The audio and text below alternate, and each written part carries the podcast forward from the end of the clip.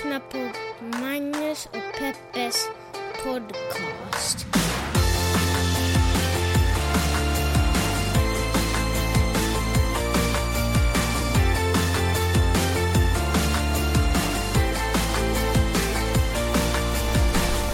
Hallå internet och hjärtligt välkomna till podcasten som heter Magnus och Peppes, ja, Peppes podcast. Eh, en podcast där vi pratar om eh, nyheter, hur media rapporterar nyheter och vi gör oftast det ur ett feministiskt perspektiv. Hej Peppe! Hej Magnus. What's up? Vi sitter ute på en restaurang den här gången. Ja, det gör vi. Vi är inte ens hemma. Nej, det stämmer. Så jag tänkte, det är därför det hörs konstiga ljud i bakgrunden. Ja, eh, jag vill inte låta lyxig och prisig och, och dryg, men eh, jag hade glömt bort att hon som kommer hem och städar hos oss skulle komma hem och städa hos oss. Så vi måste dra. Eh, och därför kan vi inte sända hemma. Du vill inte att man säger att vi har Lush städat? life, Magnus. Nej, men det är ju inte så ofta. En gång i månaden. Det är kaos hemma. Vi har ju heltäckningsmatta. Ni vet hur skit det är. Helt... Varför sätter man en heltäckning? Det är så äckligt. Varför har man heltäckningsmattor i lägenheten?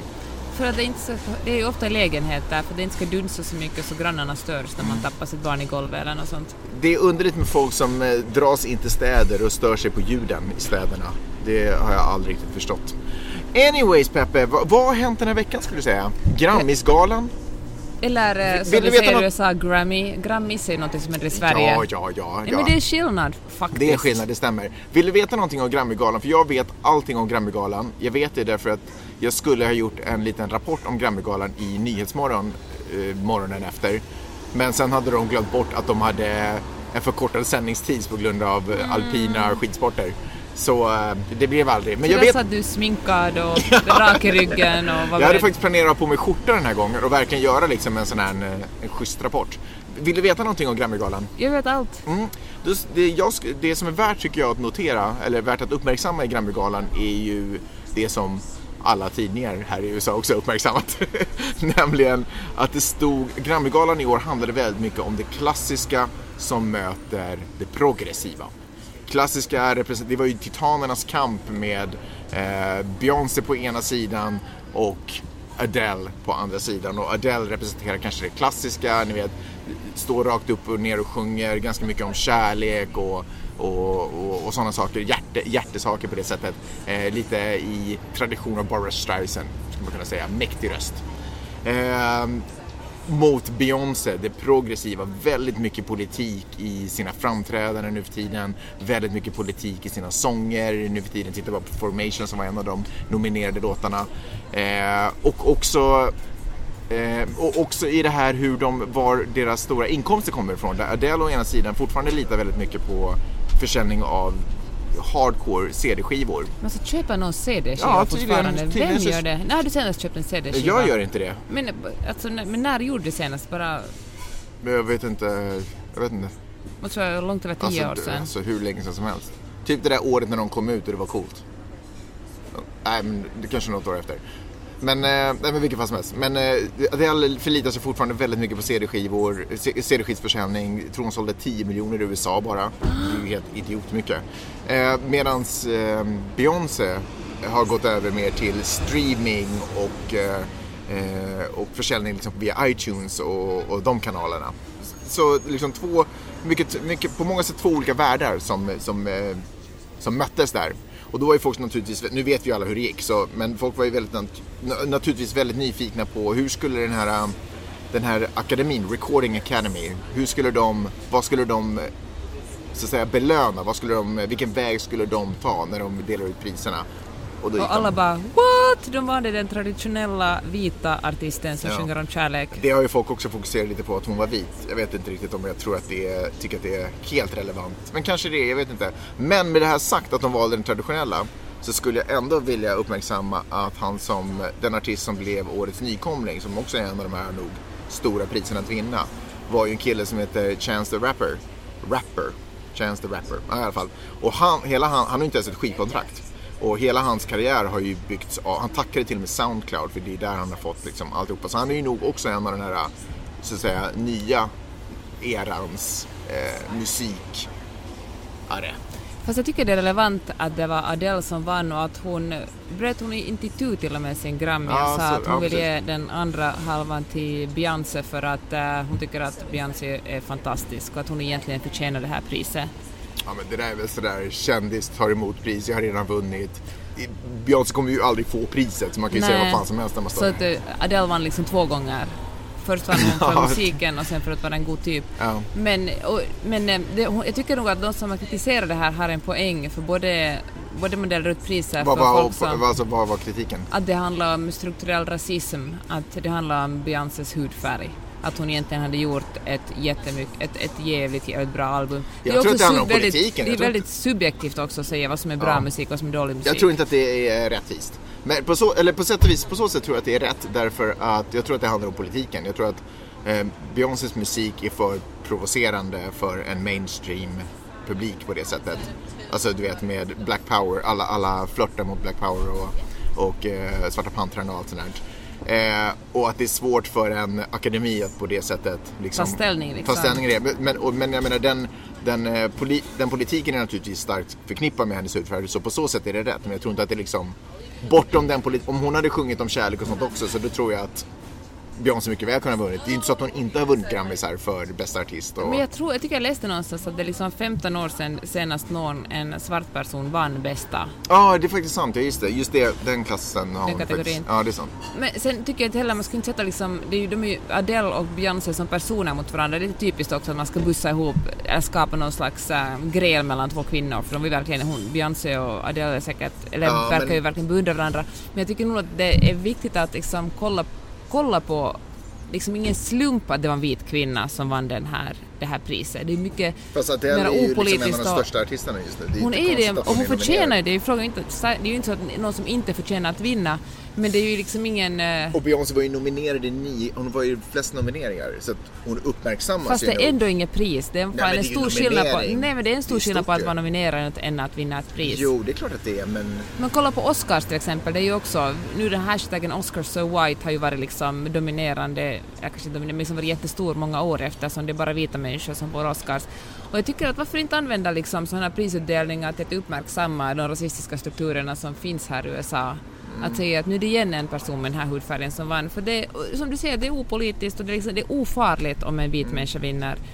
Vinner någon av en annan hudfärg med lite mer politiskt budskap så blir det genast farligare. Ja, men jag tror att det- Men, återigen så tror jag att det är också, politiken där Men det är också politik. Det är ju bara det att det är normpolitik. Det är det som känns ofarligt. Men att alltid välja en vit person är ju lika mycket politik som att välja att välja någon, välja någon av en annan hudfärg. Mm, men samtidigt så tycker jag också att man Det är bara vissa som tror att vi är så himla neutrala för att vi faller inom normen. Eller Ja. att valet av Adele liksom... Men jag tror att man, man riskerar att missa viktiga diskussioner och, eh, och eh, ja, jag tror att man riskerar rättare sagt att vissa, eh, missa viktiga diskussioner om man bara rakt av säger att det här är en fråga om hudfärg. För då finns ju ingen annan diskussion. Förstår du vad jag menar? För det är ju den största och det viktigaste. Att säga att, det, att, eh, att handlingen var rasistisk är ju någonting som på riktigt måste då blir det ju det fokus. Då måste det antingen motbevisas eller inte motbevisas. Fast jag tycker att man måste se det ur ett större perspektiv. Jag tycker inte man bara ska fokusera på Adele och Beyoncé som två individer. Liksom De är exempel på en mycket större struktur. Mm. Och då kan man till exempel lyfta fram lite Jo, statistik och blicka på den och säga att jaha, nu är det så här igen. Är det verkligen, är det verkligen ett, liksom, ett Mm. neutralt val? För det, att, det alltid, att, det alltid, att det här priset alltid faller på en person av en viss hudfärg då? Det är sant och, och det kanske till och med är korrekt om du förstår vad jag menar. Att jag säger inte att du har fel. Men, eh, men det finns någonting i, i det här som, därför att Beyoncé, alltså, ja, hon har inte stått lottlös i det här. Eh, och eh, Men det är ju inte just henne som person det är synd om heller. Det är inte liksom Nej, synd utan man det är för- liksom själva strukturen som är jag tycker man obehaglig. förminskar ganska mycket också av hennes, eller det finns någonting i det där, det, så som du diskuterar det här, som jag tycker förminskar hennes politiska musik också. Det budskapet genom att prata om att hon inte fick det för sin hudfärg. Men hon kanske inte fick det för att hon är för progressiv. Varför kan inte det få vara hennes kulturella uttryck? Varför kan inte det få vara anledningen till att hon inte fick? Varför ska det bara, hon kunde gjort vad fan som helst, hon hade ändå inte fått det.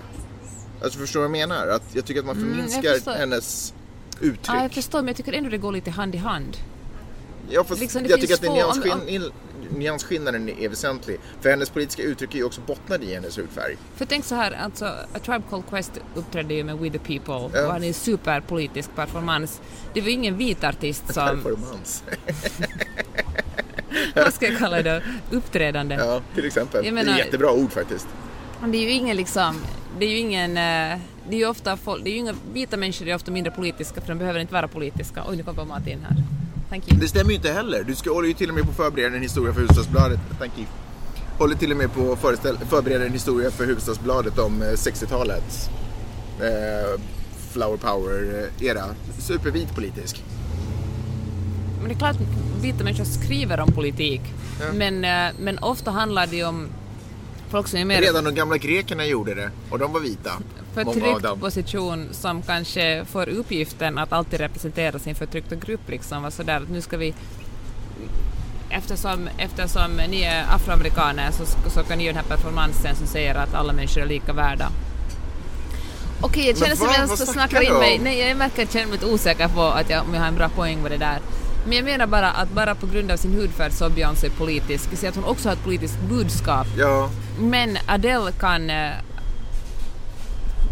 vi- Vilken vit artist är superpolitisk? Vem är motsvarar Beyoncé då?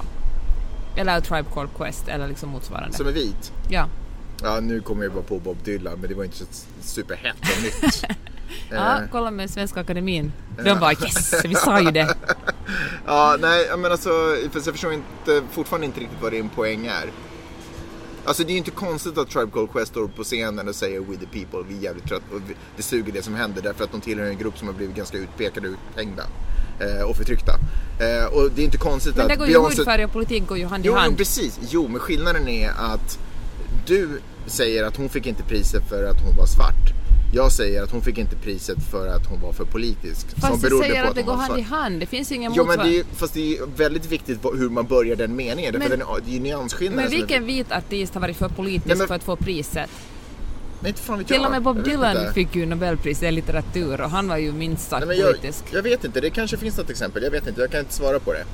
Jag kan inte svara på det. Men jag tycker att det är... För att om man säger att hon fick inte det för att vara svart, då spelar det ingen roll vad hon har gjort för musik. Men jag säger ju inte bara det, jag säger ju att i och med att hon är svart och politisk. Ja, jag vet inte, jag tycker du snackar skit. Men det är, det är som vanligt.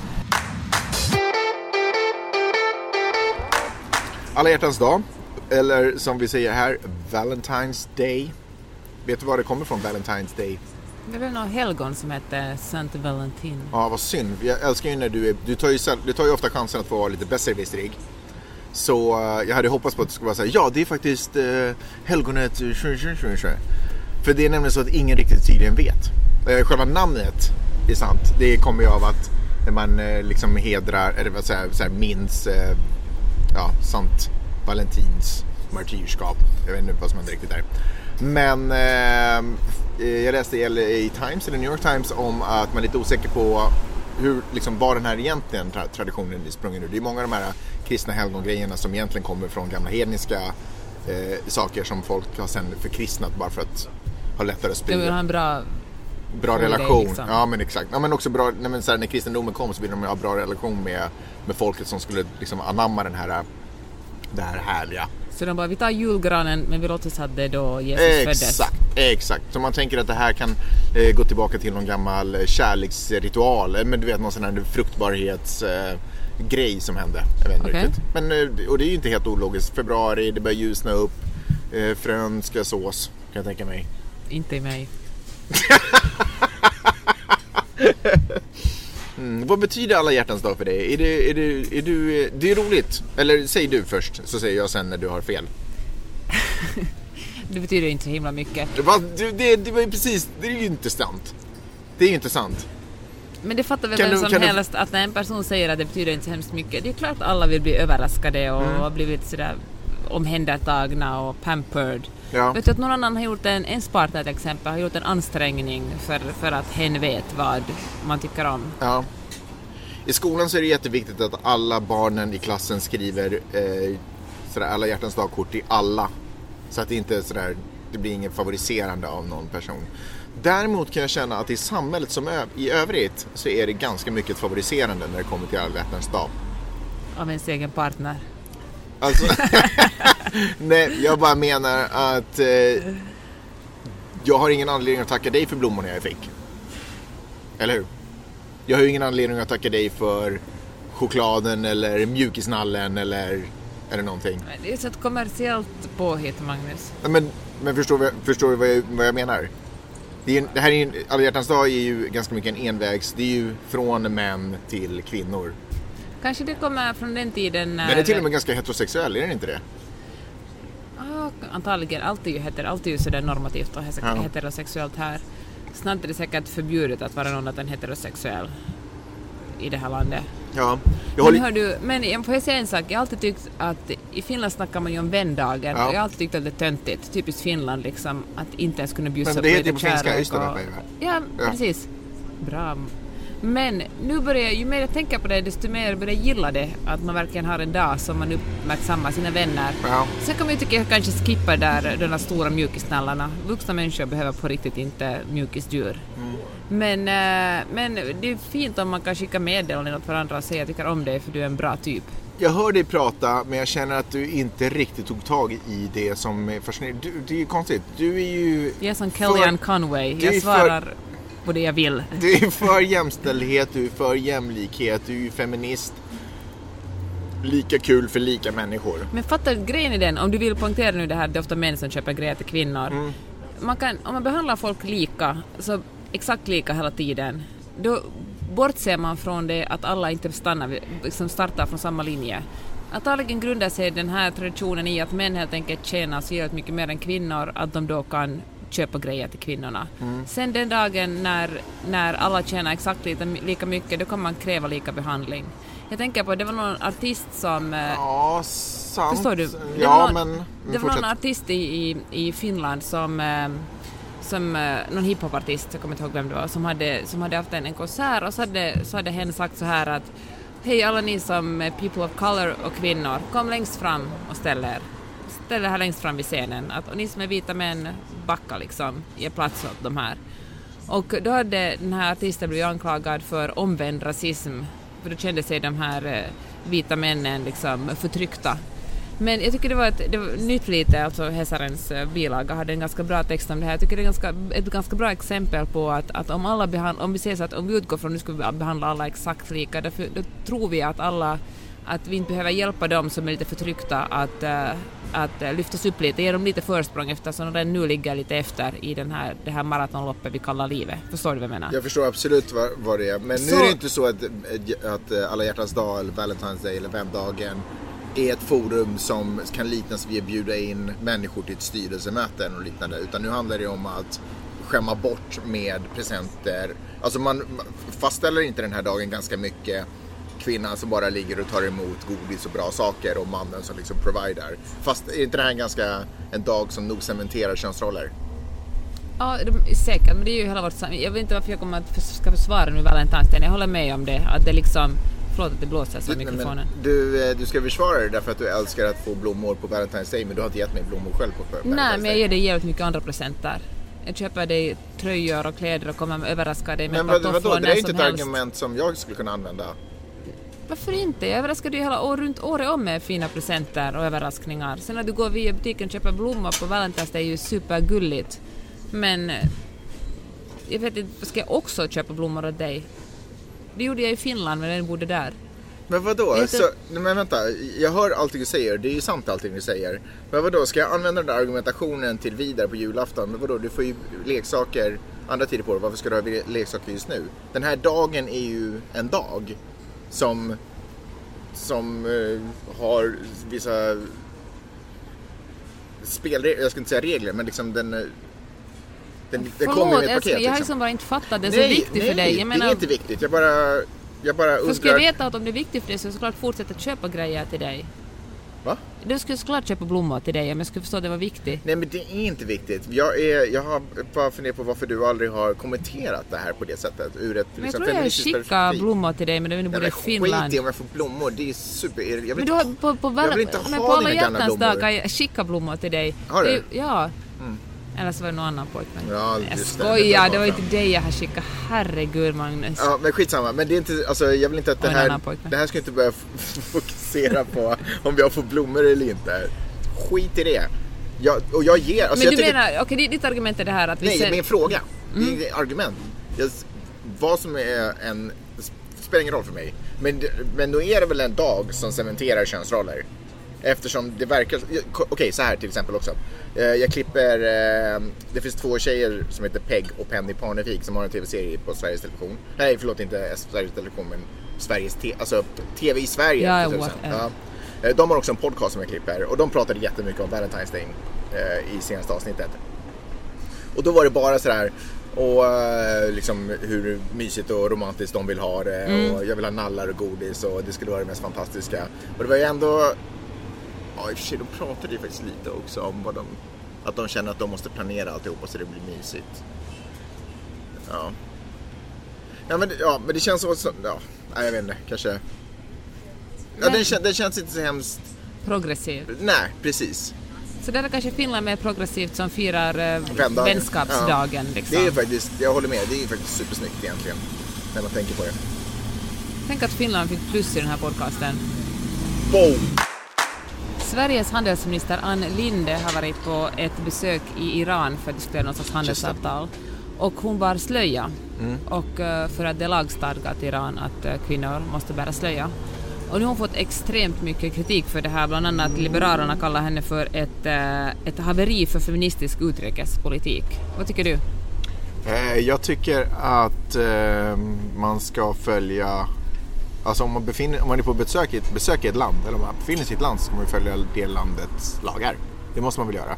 Men om det är lagar som diskriminerar en viss folkgrupp? Ja men man måste ju följa lagarna, vad fan. eh, Punkt. Och sen så kan man ju, om man är emot lagarna så kan man ju i egenskap av diplomat eller någonting på något sätt vara där och... Fast i förra avsnittet när vi talade om att Trump inte följer lagarna utan att han inte litar på det juridiska systemet, då var det sådär att ja men eh, ibland måste politiker liksom think outside the box för att ett, sam- ett samhälle ska utvecklas. Det är helt sant. Eh, Men om hon inte hade följt lagen så hade hon ju åkt till fängelse och där kan man inte utöva diplomati.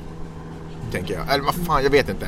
Nej, det är klart att hon inte måste, det måste hon ju bestämma själv. Men jag kan respektera att hon väljer att följa lagen och sen för ett samtal iklädd slöja om, feminist, om feminism, om det var det hon gjorde. Eller, alltså, hon för att skriva på något handelsavtal, då hade det väl inte så jättemycket med feminism. Men å andra sidan så time- kan man ju diskutera feminism trots det- att man skriver, eller liksom jämställdhet, alla människors lika värde. Och, alltså, man kan tycka vad man vill om henne men jag tycker inte att hon är i närheten av vad Trump håller på att göra. Liksom. Det är inte, hon är inte på den nivån. Så there's a time and place for everything. Ibland måste man åka dit iklädd slöja för att skriva på ett handelsavtal. Det är bra att ha kanske förbindelser och anledning att besöka varandra oftare så att man får andra tillfällen att kanske kunna prata om den här situationen med vad är upp med er lag om att kvinnor alltid måste ha slöja. Men framförallt så tycker jag att det är lite hyckleri att man lackar på hur en eh, minister beter sig på ett officiellt uppdrag i ett land och sen flippar på eh, och sen kräver att eh, flyktingar och människor kommer hit ska liksom eh, följa alla tänkbara, inte bara lagar utan också sociala koder och alltihopa som är helt omöjligt, som inte ens är uttalade du vet. Det ska de ha stenkoll på. Men jag vet inte, så jag tycker att hela det där, eh, det är jäkligt tacksamt att bli arg på saker. Tydligen så har svenska delegationer med kvinnor som har besökt Saudiarabien inte haft slöja på sig för det är ingen lag i Saudiarabien. Nej. Och då har de bevisat på det Ja men sättet. eh, bra, Men, det är väl eh, precis. Nej, men alltså jag, jag håller faktiskt helt med dig. Om, och så tycker jag också att det är ganska typiskt att det på något sätt alltid är kvinnor som ska jobba för jämställdhet och feminism. Det är som, det är ingen, ingen har kritiserat någon gubbar tidigare för att eh, inte ha tagit någon slags feministiska ställningstaganden när de har besökt Iran eller Saudiarabien eller någon annan plats. Mm. Det är på något sätt, eh, som kvinna kan man bara förlora. Jag tror att hon skulle bli extremt kritiserad och blivit kallad för att eh, för en massa saker om hon inte hade haft slöja och det skulle Ja. ha blivit en, en... Och sen så känner jag att det är liksom bara... Det, Som kvinna alltså, kan man bara aldrig vinna liksom. nej, det också. Men överhuvudtaget människor som ägnar sig åt Förutom är del. eh, människor som ägnar sig åt eh, diplomati och, och liksom samtal på eh, högre politiska nivåer. Det är så lätt att som betraktare i en eh, flippig förort någonstans, eller okej du behöver inte vara för, men du vet som betraktare långt borta ifrån händelsernas centrum. Sitta och bara bedöma beteende och bedöma eh, eller inte bedöma utan döma eh, beteende och Ja, varför gjorde ni sådär? Ja, varför kan de inte göra sådär? Ja, varför äter ni eh, vegetariskt? Jaha, varför gör du det? Varför? Du vet, utan att egentligen veta. Jag får så här, jag har så... Sen finns det väl en rörelse i Iran där kvinnor uppmanar äh, västerländska, om man nu kan använda västerländska, men, men politiker att inte använda slöja trots det här förbudet. Men äh, för, att de, för de är ju såklart irriterade på att de själva tvingas använda slöja. Iran har ju varit liksom en, en väldigt progressiv stat ännu, Ja. ännu mot slutet av 70-talet. Mm, sen kommer USA och vända upp och ner på hela skiten. Ehm, ja, ja, jag vet inte vad jag ska säga. Det är klart att det hade varit coolt, eller kaxigt om hon inte hade gjort det. Men av alla de här kritikerna, de här anonyma kritikerna som finns runt omkring i En världen. liberal, det var inte så anonym. Alltså, Ja, andra ja, men- politiker har ju tagit chansen att kunna Ja, jag kritisera skulle se hur de skulle ha gjort. politik. Jag skulle vilja se hur de skulle ha gjort i samma situation. Hur kaxiga hade de varit? Det är lätt att sitta och vara tuff på avbytarbänken eller på läktaren när man tittar på matchen. Men det är en annan sak att vara i händelsernas centrum och försöka få till stånd saker och ting. Få till stånd utveckling, få till stånd samtal, samarbeten och alltihopa. Så Så jag tänker så här också, jag vet inte om det har hört den här diskussionen, men att använda slöja är ju inte alltid någonting anti, liksom inte samma sak att vara antifeministisk. Slöja är inte alltid förtryck, utan det finns faktiskt feminister och kvinnor som helt frivilligt använder slöja. Sen kan jag förstå att det är en annan sak att använda burka eller någonting som verkligen hindrar en från att se ordentligt, gå ordentligt och andas. Men att ha en slöja kan, en feminist kan vara lika mycket slöja, en, en, en feminist, feminister kan ha slöja och bikini, eller antingen eller. Jag menar, jag tycker det är liksom också snävt att, att tycka att, att man som kvinna uppvuxen här i, liksom, i USA eller Europa, att man är så himla Ja, fast i det här fallet, fast det är sant, fast i det här fallet så var ju slöjan nog politisk. Den var ju inte bara, Nej, jag det vill ha håller jag med jag vill Det håller jag med om, men jag tänker att den här diskussionen blir lätt i någon slags här, en, äh, islamförakt. Mm. Att, att slöja automatiskt alltid betyder att man är förtryckt, för det gör det ju inte. Ja. Men lika bra kan man säga att, att det- vi som lever under grymma kropps... Eh, som, kvinnor, i, vi får, kvinnor får inte åldras och kvinnor måste vara smala, kvinnor måste ut på ett visst sätt. Liksom. Är inte det också ett, ett form av jättestarkt förtryck? Men eftersom vi lever mitt inne i en kultur där det är så normaliserat så ifrågasätter, eller vi stör oss på det men vi, vi ser det inte kanske som ett, ett på samma sätt som ett förtryck som en slöja. Jag tror en grej som skrämmer mig lite som har lite med det här att göra. Det här, det här med att sitta och hålla på och helt plötsligt ha en snabbt bilda sig en stark åsikt om huruvida det var rätt eller fel och sen bli superupprörd. Du vet, ja, jag vet inte, helt onyanserat. Och det är att jag upplever jättemycket att, du nämnde Donald Trump, jag upplever jättemycket att liberala medier här i USA eh, inte är så nyanserade längre heller.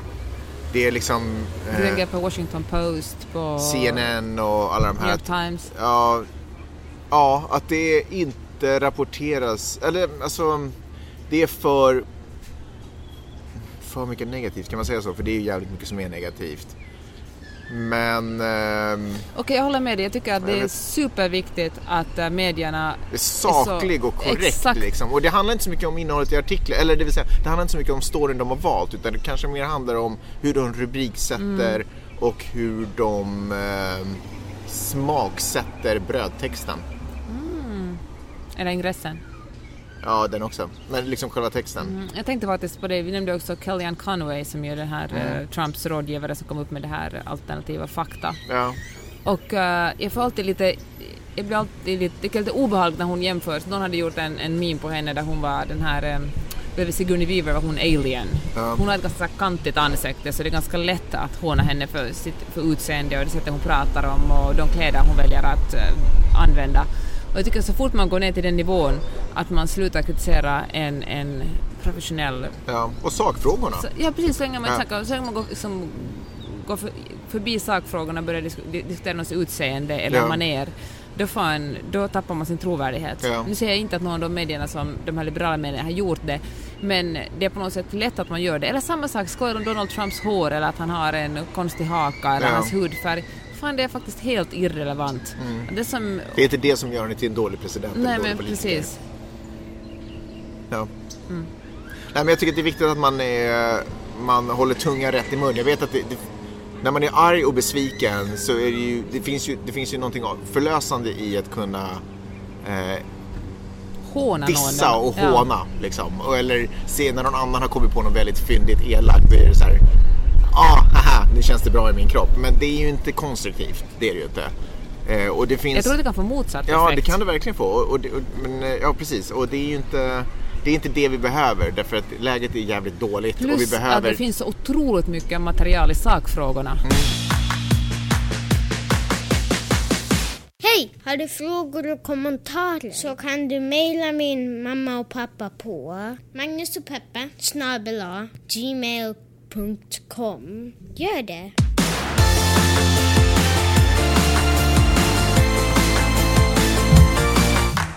Är Putin en sjukt intelligent man? Fråga. Är Putin en sjukt intelligent man? Det är fan omöjligt att svara på, det vet man ju inte. Men jag tror att han är smartare än Donald Trump om man måste jämföra de två. Ja. Jag menar, han har åtminstone jobbat med någonting förr i tiden. Alltså KGB-agent. Det kan man ju inte vara helt liksom, Bakom flötet. Ett stolpskott, tänker jag. Nej. Alltså det förhållningssättet till Ryssland. eh, Jag tycker Ryssland har börjat bli mycket intressantare att tänka på nu på den senaste tiden. Eh, och förhållningssättet till Ryssland, mitt förhållningssätt till Ryssland är ju tyvärr så jäkla baserat på filmer. Alltså du vet, det är allt, det är de senaste agentfilmerna typ så, eller, vänta, eh, ta det här exemplet, House of Cards. Eh, kontakten de hade med Ryssland var ju alltid den här, han var ju sjukt strategisk, smart och sneaky MF liksom. Eh, Rysslands president ja, i House of Cards. ja, precis. Och det är ju den, eh, den bilden är ju lite kvar, att Putin är en, eh, en eh, ganska kall strateg. Men alltså det tror jag faktiskt. Ja. Han, de, det är ju ett spionfartyg som åker här utanför USAs eh, östkust. Helt bara glider omkring där. Ska upp en sväng Det var till en liten eh, port där i norr och sen ska den ner till Kuba igen. Och det, är liksom, det finns ingenting man riktigt kan göra. De är, på just passing by. de är på internationellt vatten men de här små provokationerna är ju så, känns ju så otroligt strategiska.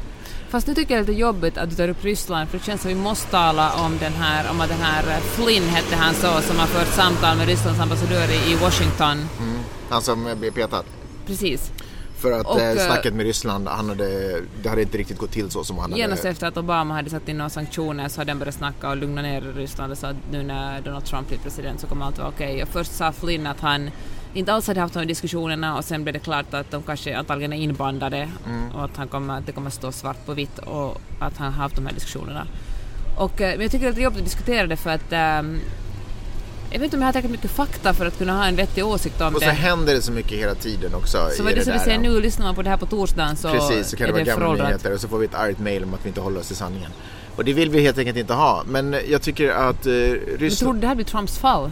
Michael Moore tror att det här blir Trumps fall. Jag tror inte, jag tror Att inte någonting blir Trumps blir, fall. eh, Och han dessutom, blir anklagad för landsförräderi. ja, men dessutom är inte riktigt, alltså, är det bra? Alltså, ska vi vara glada då? För då har vi en annan mupp som är vicepresident nu som blir... Men han har ju också varit involverad i det här så Mike Pence blir också, måste ju också avgå då. Och då blir det omval liksom, eller vadå? Jag vet inte, kanske hon gräver fram ett Eller blir det Rubio eller eh, liksom, vad heter den där galna hjärnkirurgen? Carson. Anyways, Ryssland. Rysslands roll in i eh, världspolitiken har ju... Alltså Putin plötsligt fram... Han har ju alltid varit en, en stark ledare men han har ju på något sätt alltid varit lokal stark har jag alltid känt att han har varit. Men alltså nu har han ju varit och petat i allt omkring Ryssland alltså. Allt från Tjetjenien Jo, till liksom men nu är hon petare i USA också.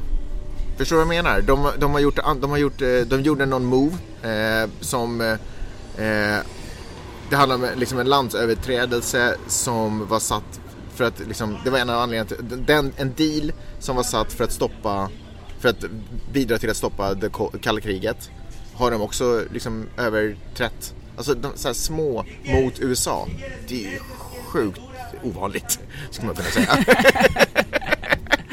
Men hörru, är du rädd för Ryssland Nej men alltså? för nu är de inte bara liksom, inte för att Syrien inte är någonting att bry sig om, men nu är de inte bara där och försvarar oljeintressen eller de håller inte på att dra någon oljeledning eh, genom vatten utan nu håller de på och bråkar igen med en, eh, med en motståndare som de inte har som de har slutit fred med för någon massa år sedan.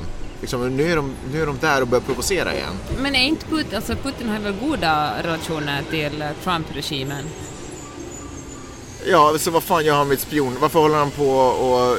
Alltså jag tror inte att han har goda relationer med någon. Jag tror inte, jag tror inte att han Han är inte inne, han är som deltagarna i, eh, i, i. Bachelor. I Masterchef. We're not here to make friends. Liksom. Okej, han är här, Bachelor. han är här Masterchef kanske de ändå kan vilja ha Ja, kompisar. han är här for the glory of Russia, liksom. For the glory of eh, Sovjetunionen, fast det heter säkert någonting annat på Ryssland. Ryssland. Och Ryssland, var du från Mumidalen? Mm. Men, eh, men eh, så, så det tror jag inte att han har, han har liksom inte goda relationer med någon utan han, nu gör han ett schackdrag som, eh, som eh, Trump måste reagera på på något sätt. För att annars så framstår Trump som svag och fram, vill han framstå som stark som han alltid gör. Herregud, alltså världen är så snubbig. Alltså, jag blir Ja, jag så vet. trött. Allt handlar ju verkligen om vem som har störst penis. Ja. Men Och jag hörru, fattar att det är obehagligt för dig. För vet du vems penis jag är kommer välja? Min. Nej, jag kommer välja Kinas penis. Jag kommer ihåg att jag satt på en... Men det är ju eh, fan ingen demokrati heller. Nej, jag men menar, Kina är ju jävligt sunkigt. Får jag säga en sak? Kina is the future man. Kina kommer vara de stora frihets, eh, frihetsherrarna, eller vad heter det? De, alltså den nya västvärlden. Motivera det där. För det första så är de eh, sjukt stora och rika och starka på grund av att de har haft en ganska förtryckande regim i väldigt många år. Den regimen har börjat öppna upp sig lite mer mot folket. Det går långsamt för att de inte ser någon anledning till att hålla på att stressa den grejen. Läste ganska nyligen till exempel att, eh, när det, att de blir mer och mer miljömedvetna. Eh, Indien är nu mer, Kina var ju länge det mest miljö hälsovådliga Ja, landet. folk typ föll ner som flugor Ja, i precis. Beijing för att det var så dålig luft där. folk faller inte ner på samma sätt som flugor längre. Nu är det Indien som är det, liksom, det galnaste landet när det kommer till föroreningar och sådana saker. Kina jobbar hela... Så Kina sakta men säkert, det är ju ett stort, det är ju en miljard människor så det är klart att man inte byter operativsystem på en kvart. Lång, app, långsam apparat men så otroligt stabila och otroligt starka. Så när USA och eh, Ryssland har gjort det de ska göra då, då är det nog fan Kina. Alltså, jag kommer ihåg att jag satt på en eh, dagisträff när vi bodde i Helsingfors. Så satt vi på en dagisträff för mammor och pappor för barnen på dagis. Liksom. Och så satt mammorna vid ett bord och så satt papporna vid det andra bordet. Givetvis. och så satt några pappor där och skröt om hur bra de är som har eh, gjort så att deras du vet, ett och ett halvt åriga barn också lär sig kinesiska vid sidan om. Och så tänkte jag att det är ju alltså, kinesiska. De här papporna tänkte kanske lite mer ur businessperspektiv. Att västvärlden kommer göra lite mer business och därför så är det bra att ha lite, lite kinesiska grundkunskaper. Men helt seriöst. De, eh, de, bra drag av de farsorna måste jag säga. Inte nödvändigtvis bra drag att vi inte satt med mammorna. Men bra drag att eh, ha sina barn och lära sig kinesiska. För att det är ett språk vi kommer ha nytta av. Är det någonting som vi kommer att tvinga Maj-Lis göra? Får jag säga en sak? Jag kommer stå på Kinas sida om det smäller. Vi fick en lyssnarfråga om fosterdiagnostik och eh, vad vi tycker om det. Vad, säger du? vad tänker du när du hör fosterdiagnostik? Vet du vad det är? Eh, så fosterdiagnostik att, eh, alltså vadå, att diagnostisera fostret? Om det Ja. finns några sjukdomar Precis. eller något sånt där. Ja. Och så läser jag ledarkrönika krö- klö- krönika Jaha, en krönika. Ja. av eh, Susanna Elmoni som skriver att, att i Finland aborteras 60 procent av alla barn som eh, man tror att har Downs syndrom. Det är väl inte ändå, jag vet inte hur säkra de här testerna är men nu de är väl ganska säkra. Ja. I eh, Tyskland upp till 90 procent. Och, eh, och, och i- det finns en olika, olika lagstiftning i Finland och Sverige, eller liksom olika lagstiftning i olika länder hur sent man får göra en abort ifall det är Mm. något fel på barnet. Men att, eh, att om, vi, om, vi, om vi fortsätter diagnostisera foster och folk fortsätter att abortera barn som är sjuka, så, eller sjuka eller har en diagnos, bara inte liksom exakt som vi, så kommer eh, snart kommer det inte finnas några barn med Downs syndrom längre. Det finns nu, det är nu mycket färre än, än, än tidigare. Och då var det en fråga, vad tycker vi om det här? Är det, liksom, är, det en Men- extra, är, det liksom, är det på gränsen till Nazityskland där alla bara ska vara på ett visst sätt? Okej, men kolla så här. Eh, borde människor som har Downs syndrom inte få finnas? Nej, det stämmer inte. Alla, alla får finnas som har kommit till, så att säga.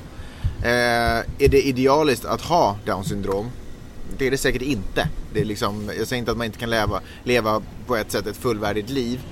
Men, eh, men det är naturligtvis lättare om man inte har det, tror jag. I, I det här normativa samhället och den här normativa Men gör man inte bara ännu mer normativt? Ja det gör man men, men, och det är farligt för att För att det är bra med mångfald. Ja, men, men det här tar ju inte bort all mångfald. Det här tar ju bort mångfald som, där mångfalden representeras av, av eh, eh, mutationer och abnormalitet och eh, liksom sådana saker. Det är ju det det tar bort. Det tar inte bort bruna ögon eller, eller långa armar. Eller... Jag menar liksom, eh, visst ska väl Nej, folk... på, gen, på, antar jag på kromosomnivå. Men finns, inte en, finns det en viss liksom, eh, det en koppling till att, uh, att utrota folk som är av som är homosexuella eller som bara avviker från det som är normen. Mm. Men okej, okay, men jag tycker att det är väldigt lätt att säga nej men alla, det ska få finnas alla sorter. Men då måste man också säga, skulle du kunna säga så här, ja, du ska bli sjuk och du ska bli sjuk och du ska bli sjuk. Men är Downs syndrom en sjukdom? Nej men är det här bara Downs syndrom det handlar om? Nej, utan det handlar liksom ja, exakt. om massa andra saker som kan men, vara men till här far mycket mer plågsamma och, och besvärliga att genomleva. Liksom.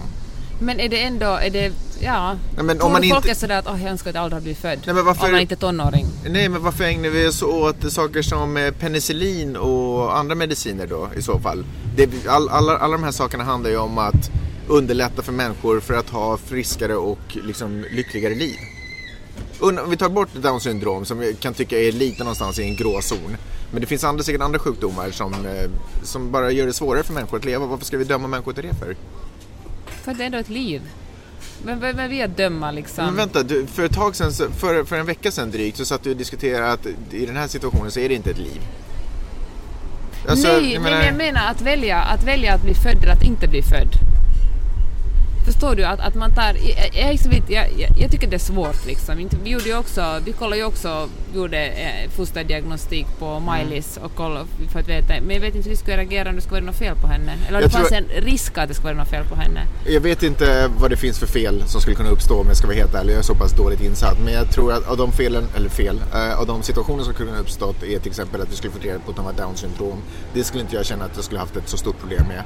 Uh, men det kan mycket väl finnas någon annan, någon annan, någonting annat som skulle kunna ha kommit fram som jag sen har fått lära mig att ja, men det där skulle betyda liksom bara ett rent helvete för alla inblandade inklusive personen själv. Varför ska jag, varför ska alltså, jag ge varför ska jag ge människor de förutsättningarna? För det är ju jättestora och svåra moraliska frågor. Men det som jag tycker kanske är intressantare är att det blir så mycket vanligare att man väljer att abortera de här ja. fostret också om, om, om det har någonting som kanske kan säga säg då down syndrom till exempel, att folk med down syndrom verkligen kommer att försvinna. Mm. Och jag tycker att det kanske säger någonting om den kulturen vi lever i, att det är en väldigt, trots allt, vi tycker att vi lever med så mycket Men det är massa saker som har försvunnit. Men att vi är så Polio har försvunnit nästan. Det finns ju massa saker. är en sjukdom. Men det kan, ja, men nej, nu, nu var nej, du, jag tycker nu var inte det där är Nu var du igen på down syndrom, som kanske inte är en sjukdom. Jag, jag vet faktiskt inte, är det sjukdom? Stopp. Nej, det är alltså inte en sjukdom, det är ett syndrom. Men eh, poäng, poängen är väl att vi har väl kommit fram till alla de här uh, medicinska sakerna för att vi ska öka livskvaliteten bland människor. Eller hur? Nej. Har vi inte gjort det? Vadå öka livskvaliteten? Alltså... Det är väl därför vi opererar människor, det är därför vi ger människor en medicin. Det är Fast därför... tar du igenom sjukdomar. Ja, jag men... menar att ha Downs syndrom och hur, nu... hur bra livskvalitet som helst. Okay. Du vill inte tala om Downs syndrom. Okay, så... Eller funktionsnedsättning. Jag menar välja att bli född eller att inte bli född.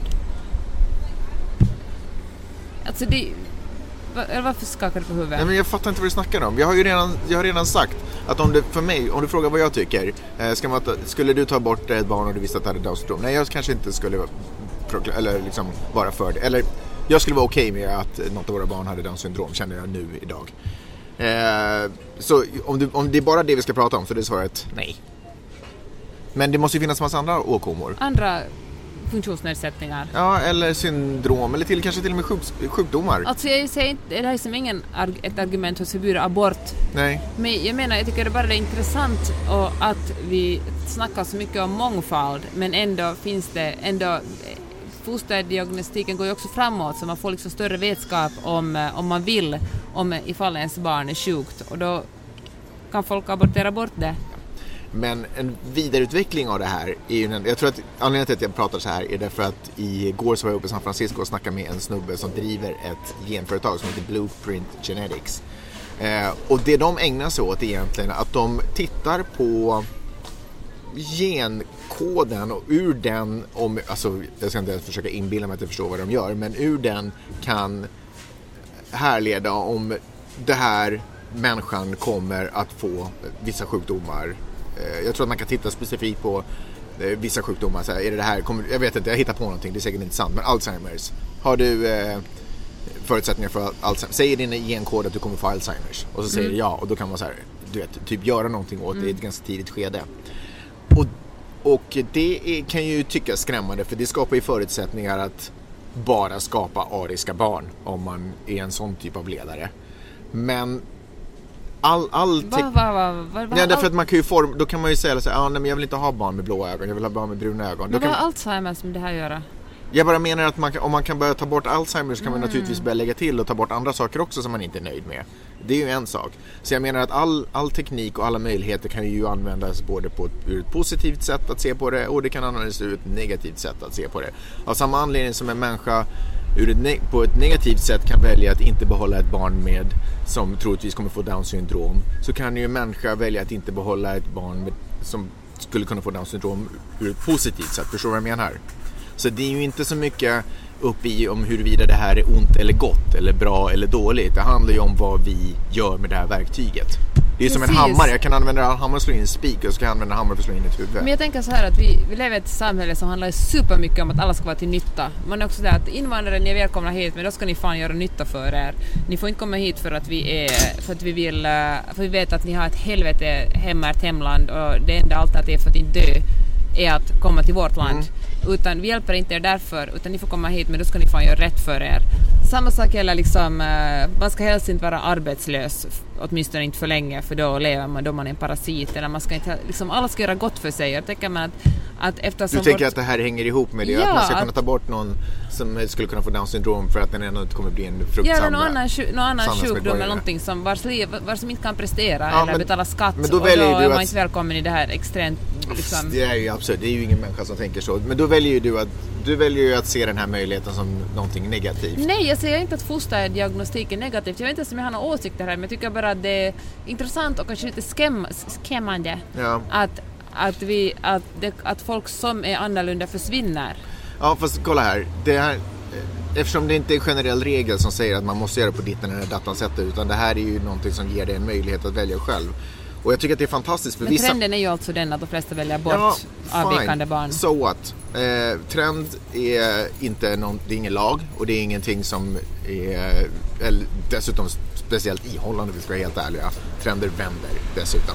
Men jag tycker att det Det är här... nog jättesvårt att gå tillbaka. Ja, men jag tycker, det jag tycker är fantastiskt med det här är att det ger människor möjlighet att själv avgöra. Är jag kapabel att ta hand om ett, eh, om ett liv som kommer Men det kräva vet mer... man ju inte förrän man har fått det där livet. Antagligen är man. Ja, eller inte. Vissa Som har ju problem, barn som helst, vissa, har ju får pro, ju- nej, men vissa har ju problem med att ta hand om ett barn. Vissa går ju under bara av det. Det är ju liksom... Alltså jag, ser inte, jag är inte emot fosterdiagnostik men jag tycker att det, det finns något problematiskt med Ja, att veta så här att mycket det- har varit tvungen att fatta de här besluten. Jag tycker att det är fult att hålla på och döma människor som inte, som inte är up for the challenge. Att de håller på och motarbetar eh, men folk förr i tiden... Vadå fucking mångfald? vadå det är inte det det fucking mångfald? Kan du vara själv? var folk på något sätt bättre förr i tiden då? Nej men var det... Eller hade var- de haft bättre mer- möjligheter att ta hand om Nej, barn hade på vi, den mer, tiden då? hade vi mer mångfald då eller? Ja, i, i det här fallet så fanns det fler med down syndrom än vad det finns idag. Ja men eh, för, ursäkta mig men Downs syndrom är inte den enda kvalifikationen för mångfald, eh, mångkulturellt eller Såklart inte, mångfaldssamhälle. men min poäng är nu det här att de med saker som går att diagnostisera med fosterdiagnostik, folk som, har sån, som är, har fö, föds med sådana åkommor försvinner allt mer i vårt samhälle. Mm. Det finns färre sådana. Jag tror inte De att vi flesta- som aldrig ens varit i den situationen ens ska uttala oss om huruvida det är rätt eller fel att göra en sån bedömning. Men det har jag ju inte sagt heller. Jag har ju bara sagt ja, men att det... sitter ju bara och argumenterar för att ja men ur mångfaldsperspektiv så är det väldigt bra att behålla alla fått. Jag tycker att det är skrämmande Whatever. om vi alla är, blir exakt att Det viktigaste är att man ska vara frisk. Man har inte någon plats i det här samhället om man inte är frisk. Ja men eh, Jag tycker, jag Jag tycker som att- sagt ska folk få göra precis vad de vill och kanske det är bra att veta mycket men, men kanske det är också en, en eh, vad är motsatsen till blessing in disguise? Att få veta att ens barn dåligt svenskt ordförråd kanske. Ah, Eh, jag tror att Du bara mic drop, nu kan vi sluta den här podcasten. Jag tror att mångfald är inte bara i vilka barn som föds utan vilka föräldrarna som tar hand om de här barnen. Jag tror att det är en av de saker som skapar mångfald. What? Därför att Vadå? vissa, vissa föräldrar kan... då? Därför att det är ju vi föräldrar som skapar barnen oavsett vad de... Det är ju vi som skapar förutsättningar. Sitter vi här med våra super blonda övre med, medelklass mediabarn. Alltså mångfald för dig, är det bara att antingen ha människor med eh, något syndrom eller människor som inte har det syndrom? Är det de enda formerna av Mångfald mångfald? är olika hudfärg, olika sexualitet, Ja, och olika... temperament och olika linne. Och, det är Ja, väl allt, temperament allt sånt och är väl... linne, Nej, men liksom. Det är det väl? Varför ska inte det vara en del av mångfalden? Så Att om vissa jag tycker har om, PMS ibland så då bidrar jag till mångfald i vår familj. om du vore en PMS-människa, då skulle du definitivt bidra till mångfalden. Var, varför håller du på att fördumma den här diskussionen? Det är du som gör det. Kan vi sluta nu? Tack för att ni har lyssnat. Så jävla, du är så otroligt korkad ibland. Jag orkar inte. Jag orkar inte ens titta på dig. Du sitter och håller på och shamear människor Ja, som, fattar, nej, för- som står inför svåra för val och tusende beslut. gånger shamear jag Tänk inte. på mångfalden. Nej! Tänk själv på har mångfalden. du lyssnat på ett ord av vad jag du sagt i lyckas den här podcasten? Jag sa bara Du att lyckas det ju inte ens få vår son att ett fullt friskt barn att ens göra alla sina läxor. Jaha, nu går vi in Jag på personliga påhopp. Jag är en dag borta. Ja, och du kan påhopp. Så vad, Du som ett ägg tror på du Twitter. att du är skulle vara. Tror du att du ens skulle vara kapabel att ta hand om ett barn med Downs syndrom? Men det är en annan historia, jag shamear ingen. Alla har rätt att fatta sina beslut. Jag säger bara... Du sitter ju och håller på och försvarar, ja men det är för mångfaldens skull, man kan väl tänka lite. Alltså Och herregud. du gör röster. Anyways, du gör, ja, ser du bidrar till mångfald i den här diskussionen. Tack för att ni har lyssnat. Jag tror att lyssnarna är på min sida. Ja. Tack så hemskt mycket för att ni har lyssnat. Förlåt för hur det här slutade. Det, var, det började se himla trevligt. Jag tyckte vi hade bra diskussion där i början. Eh, om ni vill ha pengarna tillbaka för det här, skicka ett mail. Det är klart att ni inte ska behöva betala för sån här skit. Eh, om ni mot förmodan tyckte att det här var fantastiskt så då är det ju naturligtvis betala ni ska göra. Eller inte ens om ni tyckte det var fantastiskt utan om ni bara kände att ja, det här lyssnade jag på och jag kommer förmodligen lyssna igen. Gå in på janetteohman.com och så hittar ni Paypal-symbolen i högra balken. Det finns två versioner, antingen betalar man för ett avsnitt eller per avsnitt så att säga. Man kan betala för hur många som helst. 86 cent. Eller så kan man för en lite mindre summa och möjligt lägre summa så kan man faktiskt gå in och prenumerera. Två någonting i månaden och då får man typ fyra avsnitt i månaden. Nu är det februari, det kanske påverkar lite men i vanliga fall så är det typ fyra avsnitt. Ibland fem. Ibland till och med fem. Hörni, och vi, jag kan inte understryka, jag tycker mer om er som har eh, betalat för avsnitt tidigare än vad jag tycker om Peppe just nu. Eh, det betyder så otroligt mycket för mig. Ni bidrar till mångfald när det kommer till eh, informationsspridning i alla fall. För ni är ni blir fler och fler men ni är fortfarande en minoritet på det sättet. Man kan Jag vill säga också att säga tack för att ni betalar för innehåll. Mm. Och eh, ja, vi hörs med nästa vecka. det tycker jag vi gör. Ha det bra! Hej!